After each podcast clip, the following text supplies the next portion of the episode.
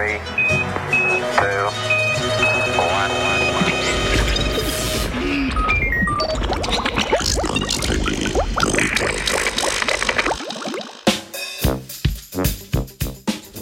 Samonapajalna, svetleča rastlina.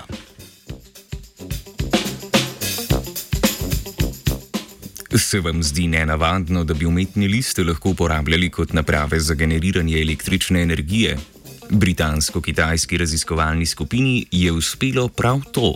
V, raz... v nedavni raziskavi so izdelali umetne liste rastline, ki izkoriščajo energijo vetra in dežnih kapljic za napajanje svetlečih diod. Ugotovitve so objavili v reviji Sustainable Chemistry and Engineering.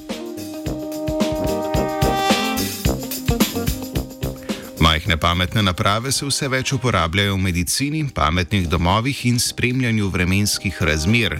Trenutno moramo takšne naprave napajati prek električnega omrežja ali polniti iz baterij. Oba načina napajanja lahko negativno vplivata na okolje, predvsem če se želimo oddaljiti od uporabe litij-ionskih baterij.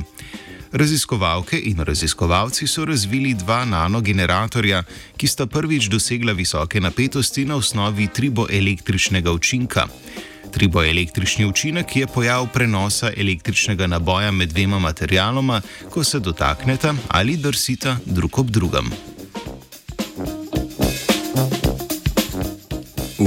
Umetnem listu so združili dva generatorja iz tekstilnih materialov. Prvega na osnovi dotika dveh materialov in drugega na osnovi paca vodnih kapljic. Triboelektrični generator, ki deluje na dotik, je podoben bateriji. Materijala, ki imata različen elektrokemijski potencial, sta fizično ločena. Prvi je elektronegativno nabit teflonski, drugi pa elektropozitivno nabit vlaknat tekstilni material na osnovi najlona. Veter povzroči, da se materijala drgneta, kar med njima ustvari potencijalno razliko, ki požene električni tok.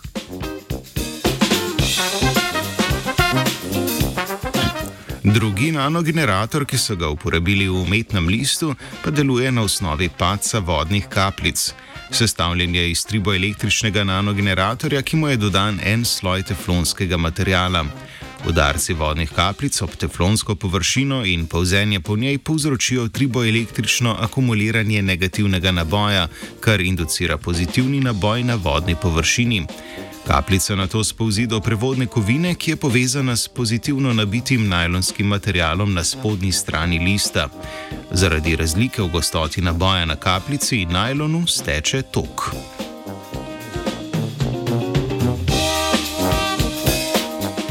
Raziskovalna skupina je pri razvoju materijalov posnemala hidrofobno površino lotosovega lista. Oba uporabljena materijala, teflon in najlon, so obdelali z argonovo plazmo, kar je povzročilo spremembe v kemijski strukturi. Tako jim je uspelo povečati hidrofobnost obeh materijalov, kar se je odražalo v izboljšanji izhodni napetosti in toku, ki ga umetni list proizvede.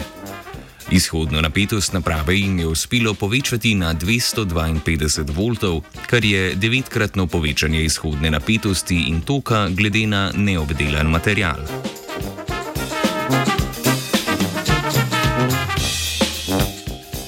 Po optimizacijah je raziskovalna skupina oba nanogeneratorja združila v obliko lista in iz teh izdelala umetno rastlino z desetimi let svetilkami. Zgornji del lista izkorišča padec dežnih kapljic, spodnji pa proizvede električno energijo ob kontaktu teflonskega in najlonskega materijala zaradi vetra. Rastlino so na to izpostavili različnim vremenskim vplivom. Raziskovalci in raziskovalke so ugotovili, da je generirana električna energija nižja kot pri laboratorijskih eksperimentih.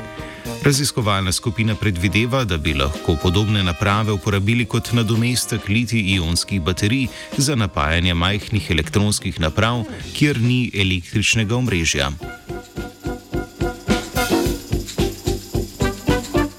Električni nanogenerator bi imel vajenec Luka.